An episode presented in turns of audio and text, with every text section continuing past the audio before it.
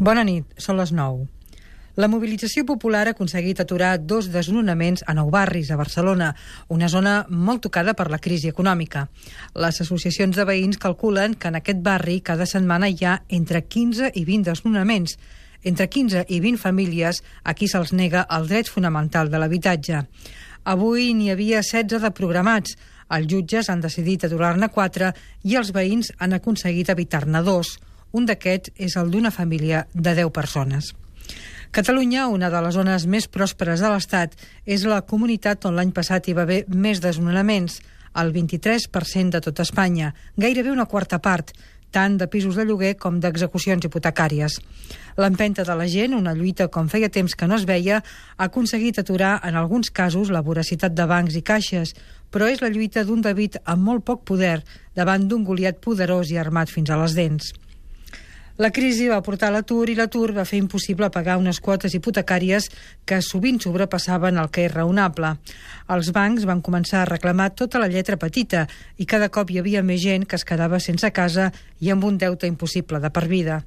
Llavors va néixer la PA, la plataforma d'afectats per la hipoteca, al febrer del 2009. Aquest moviment social, nascut a parts iguals de la necessitat i la indignació, ha aconseguit canalitzar la injustícia, oferir assessorament legal i fins i tot assistència emocional al qui es veuen obligats a perdre el seu refugi.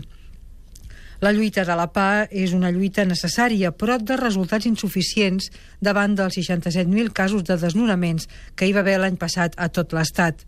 La solució havia de venir del poder polític que se'n va rentar les mans amb una llei que sorgia inicialment d'una iniciativa popular, potser la més important de la història, però que acabava sent una solució d'emergència només per casos molt extrems. Moltes famílies es quedaven fora de la solució legal, molt curta per l'envergadura del problema i incapaç de contenir la ferida gran i profunda que no deixa de sagnar. El poder polític no ha pogut ni ha volgut enfrontar-se als bancs en aquest problema i ara amb l'escàndol de les targetes Black, comencem a ensumar-nos per què. Davant del monstre poderós, la pressió popular només aconsegueix fer-li unes poques pessigolles i, malgrat tot, benvingudes siguin.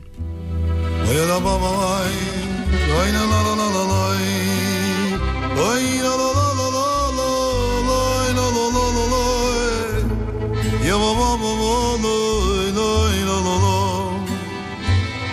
Nanega Mekine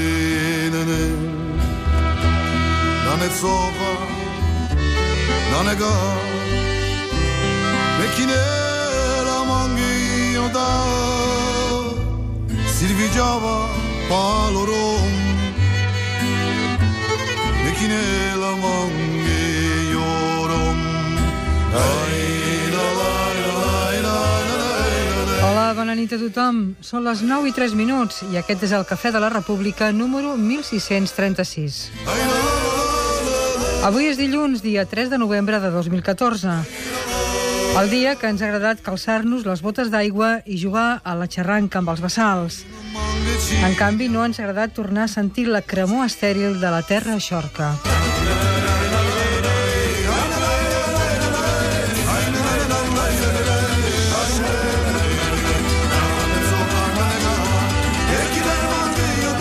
El Cafè de la República.